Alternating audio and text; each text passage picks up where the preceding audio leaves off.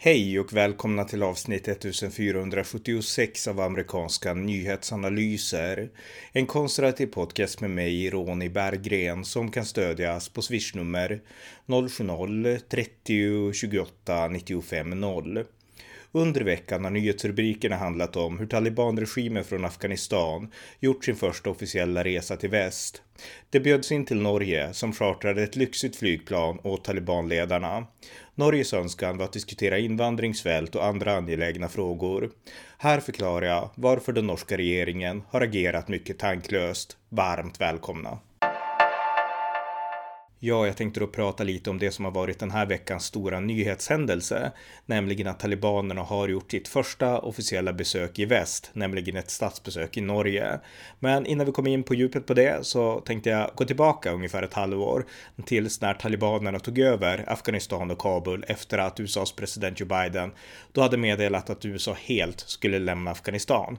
Det som då hände, det var att eh, Kabul och egentligen alla andra städer, de lade sig platt och talibanerna tog över. Och eh, när man tog in, intog Kabul, då kablades det ut ett fotografi som var rätt intressant. Och det var att den 14 augusti så hade Norge låtit evakuera sin eh, ambassad från Kabul.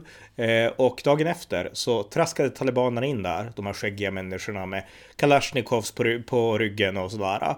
Och de gick in där på ambassaden, tittade sig omkring och sen hittade de ett par skidor med sån här gammal bindning tror jag till och med. som de höll i, tittade på det och liksom Eh, ja, de, såg förvånade ut. Vad är det här för något? Skidor liksom hade de inte sett. Och det var ju lite kul att Norge hade skidor på sin ambassad. Jag vet inte om det var något symboliskt eller om det gick att åka skidor där i Afghanistan. Det fanns ju sådana orter. Men jag tror inte i Kabul. Men jag vet inte. Men hur som helst så, så eh, var det en bild som kablades ut och man tänkte att okej, okay, det här har alltså varit Norges ambassad och nu är de här grottmänniskorna, talibanerna, det kan man säga, för det är precis det de är. De har bott i grottor och många av dem kan inte läsa och de eh, lever som barbarer ungefär och har sådana värderingar. Det är inte så svårt alls att, att fastslå den saken. Eh, de tog över i alla fall och man tänkte att det här är ett tecken på västvärldens förfall.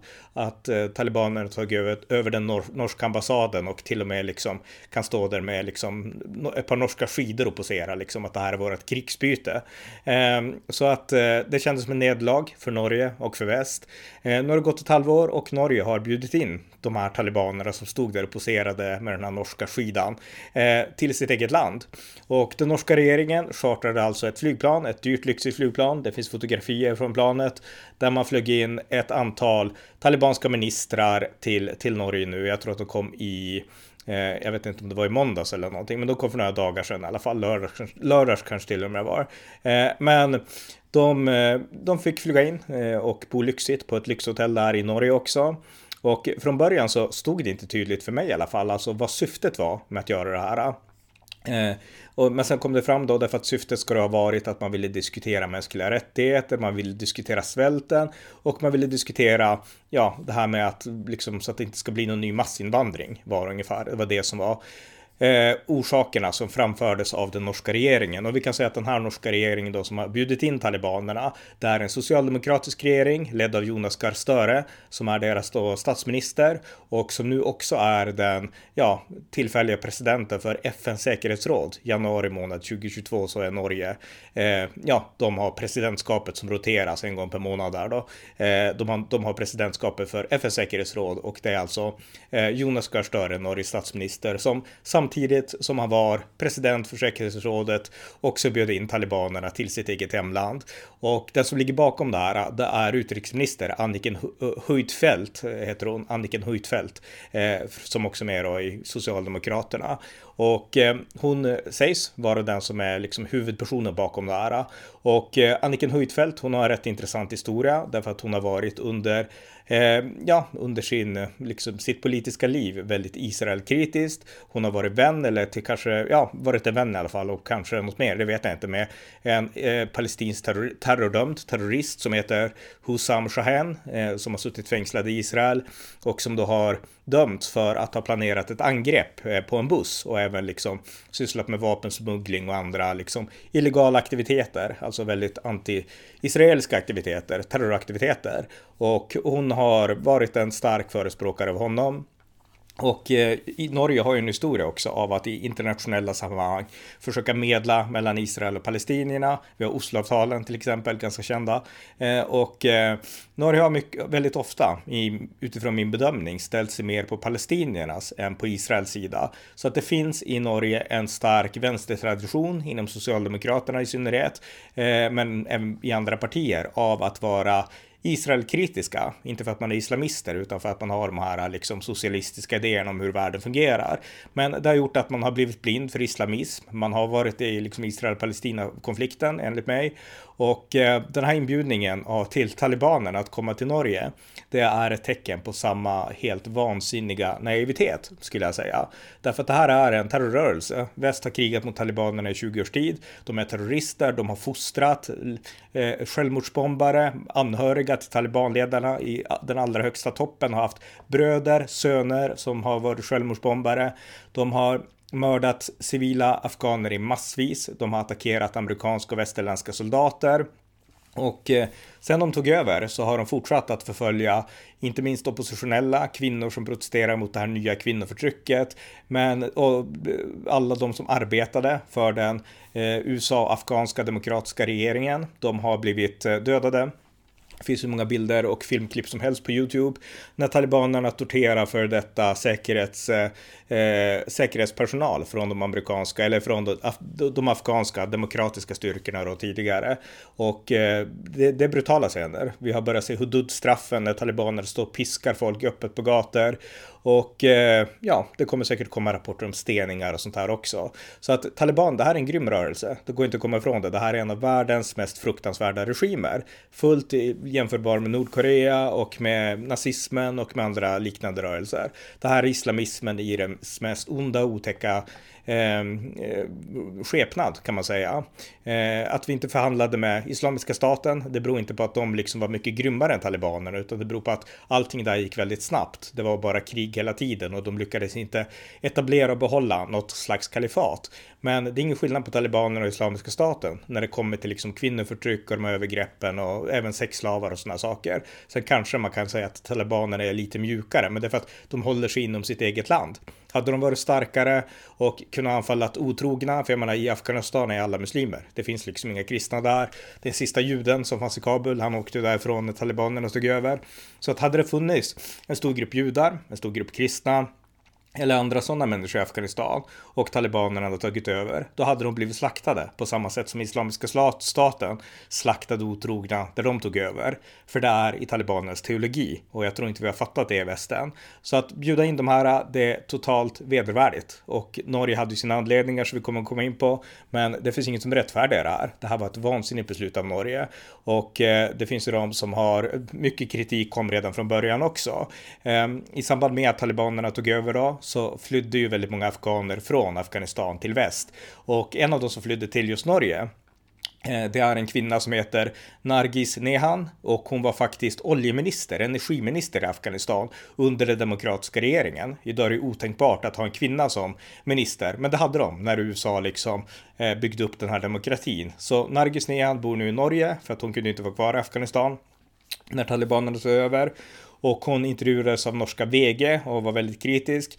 Hon menar att det här är, okej, okay, nu vill liksom våra statsminister sätta en fjäder i hatten för att han leder säkerhetsrådet och liknande.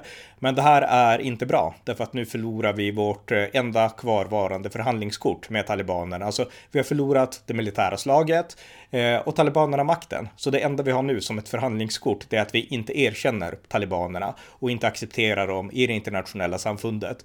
Men genom att göra så här, bjuda in talibanerna till Norge, då blir de erkända och de blir liksom väl välkomnade till det internationella samfundet. Och hon har helt rätt i liksom det, den analysen. Eh, den norska regeringen har ju menat att eh, nej, men vi kommer inte erkänna dem. Det handlar inte om ett erkännande och eh, det finns det ingen anledning att betvivla. Norge kommer inte officiellt att erkänna talibanerna. Men talibanerna tolkar det här som ett erkännande. De ser det definitivt som att det här är precis vad de trodde skulle hända, nämligen de trodde att Allah skulle ge dem makt över Afghanistan och sen så skulle Allah öppna upp dörrar som gjorde att världen skulle till slut tvingas förhålla sig till att nu är det här ett faktum, att det är vi som styr Afghanistan. Trots att de tog över landet med revolution, med totalitära medel och inte alls är demokratiska för fem öre. Så genom att göra så här så legitimerar man ehm, att de har fått makten. Det är exakt det man gör. Det går inte att tolka det här på något annat sätt. Sen vill den norska regeringen prata om kvinnor och då menar ju att det här samtalen som vi ska ha, det ska handla om bistånd som Afghanistan behövs, behöver. Jag menar världen kan se svälten i Afghanistan där kvinnor, där familjer får sälja sina små flickor, döttrar 5-6 år, sälja dem till andra bara för att man ska få mat på bordet. Det är fruktansvärt, det är fruktansvärt lidande i Afghanistan just nu på grund av den svält som har orsakats i mångt och mycket för att talibanerna tog över. Ehm, men alltså väst kan inte ta på sig det, utan skulden för det som sker nu, det är talibanernas fel. Vill de anpassa sig så kan de släppa in västerländska liksom, hjälparbetare som själv får styra och kontrollera hjälparbetet. De kan tillåta flickor går i skolan igen och de kan tillåta liksom massa sådana saker. Friheten, religionsfrihet till exempel, rätten att konvertera, rätten att liksom, ja, kyssas offentligt och vara ihop offentligt, alltså individuell frihet, allt det som vi i väst kräver att de ska ha. Det skulle de kunna acceptera och slippa den här svälten, men då vill de inte. Så därför är det av högsta vikt att vi fortsätter pressa och inte släpper in dem i det internationella samfundet. Den här svälten i Afghanistan, den är talibanernas eget fel. Så att antingen får de välja, folket svälter, eller så kan de säga att okej, okay, vi ändrar oss, vi öppnar upp och ni kan komma och hjälpa. Det, det är liksom de alternativen man ska ha. Genom att göra så här så ger man talibanerna övertaget. Man ger dem ett förhandlingskort man aldrig borde ha gett. Sen har den norska regeringen nu sagt att för att liksom ni ska få pengar, det är det man vill ha meddelat talibanerna då, då måste ni låta flickor gå i skolan igen och ni måste ja, vara öppen för oppositionspolitiker och sådana saker. Och talibanerna har inte gett några tydliga löften här, så att jag menar, vad ger det att liksom försöka komma med de här kraven som talibanerna kanske eller kanske inte kommer att gå med på? Går de med på det är det ju bra såklart, men det här skulle de kunna gå med på i alla fall genom att bara pressas hårt. Att släppa in dem i Norge var ett stort misstag och eh, som sagt eh, Eh, det, det, är helt den här socialdemokratiska regeringens fel, skulle jag säga. Eh, Anniken Huitfeldt i, i synnerhet. Och eh, med på den här resan så hade ju talibanerna också väldigt många, eh, alltså mer skumma karaktärer. Eh, det, den främste som, som det pratas om väldigt mycket, det är, eh, det är Anna Sakani, som alltså är en del av Haqqani-nätverket, som har utfört mängder av liksom terrordåd och stått för den här organisatoriska delen snarare än den teologiska och ideologiska delen av den här talibanrörelsen. Så han var med där och eh Eh, det var också många presskonferenser där talibanerna sa alla möjliga liksom, saker. Eh, det fanns en norsk journalist som vart mördad i Norge 2008. Eh, han heter Karsten Thomasen och eh, talibanerna som var på plats i Norge, de fick en fråga om, eh, ja, om hans död och, och så. Och eh, de svarade då att eh, utrikesminister Amir Khan Mutaki, han svarade då att eh, i godis, eller man, i krig så delar man inte ut godis, svarade han på, på, liksom, på frågan om, om den saken då. Sen så menade han att liksom, ja, eh, ja, vi har bett att journalisterna ska hållas undan från områden där de kan utsätta sig för fara, så han gav ett ganska diplomatiskt svar. Men faktum är att talibanerna dödade en norsk journalist och eh, trots det så får de komma på statsbesök till Norge. Och eh, ja, det är många veteraner också i Norge som har tjänstgjort i Afghanistan eh, på egen hand tror jag, men, men eh, som, som också är kritiska. Och ehm, ja, jag anser att den här kritiken är helt befogad. Det Norge tror att de kommer att kunna vinna av det här, det är Ja, det är liksom visst kortsiktiga segrar. Alltså det kan mycket väl hända att talibanerna går med på något enkelt, att låta flickor gå i skolan lite grann eller göra någon slags eftergift för att få pengar. För talibanerna är ju nu väldigt desperata på grund av att väst har låst allt pengainflöde till, till Afghanistan. Eh, så att det finns säkert eh, möjligheter att talibanerna gör någon viss justering för att få pengar. Men på sikt vad det här gör det är att det öppnar upp för legitimiseringen av talibanerna. Och det är det som är så fruktansvärt naivt att göra det. Det är farligt och det är helt fel väg att gå och det visar också att vi vill, alltså vi fortsätter den här reträtten. Det var inte bara en militär reträtt, den militära reträtt som USA gjorde i höstas i, i september, utan nu är det också en diplomatisk reträtt. Alltså nu vill vi inte ens liksom, nu är ni frysta politiskt, utan nej, nu är det öppet politiskt. Vad blir nästa reträtt? Det är det som är frågan. Nästa steg efter det här, ska de få komma på statsbesök igen? Ska andra västerländska länder öppna upp för att den här talibanregimen ska få komma? Alltså, det är absurt. Det är helt absurt. Och samma regim samtidigt som de här var i Norge, ska sägas då. Och eh, åt god mat, bodde på lyxhotell och fick träffa liksom press och bli lite kända och liksom ja, visa upp sina härliga skägg i liksom eh, internationell media. Så, så bedrevs det exakt samtidigt ett enormt förtryck i Afghanistan.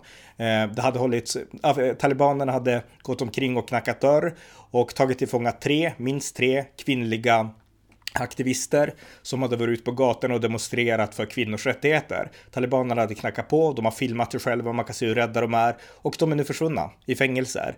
Och samtidigt, ännu mer liksom, jag vet inte, det är skrattretande nästan, samtidigt som de här kvinnorna hade arresterats och blivit bortförda, fängslade, vi vet inte exakt vad som har hänt med dem, eh, så höll talibanerna själva i Kabul, alltså då menar jag männen, talibanska män med skägg, de höll egna demonstrationer, alltså de har inget att demonstrera mot, det är de som har all makt, men de vill ändå hålla en demonstration för att jag antar att, ja, eh, de har sett på internet att det här med demonstrationer är inne i väst, titta på USA, titta på Europa liksom. Det är så man gör om man vill vara med i det internationella samfundet. Kanske tänkte de så eh, och demonstrerade Ja, jag vet inte vilka de demonstrerade mot, för det var ju liksom regeringsmakten som var ute och demonstrerade. Men jag vet vad de demonstrerade för. De, de demonstrerade för att eh, människor måste börja respektera hijaben.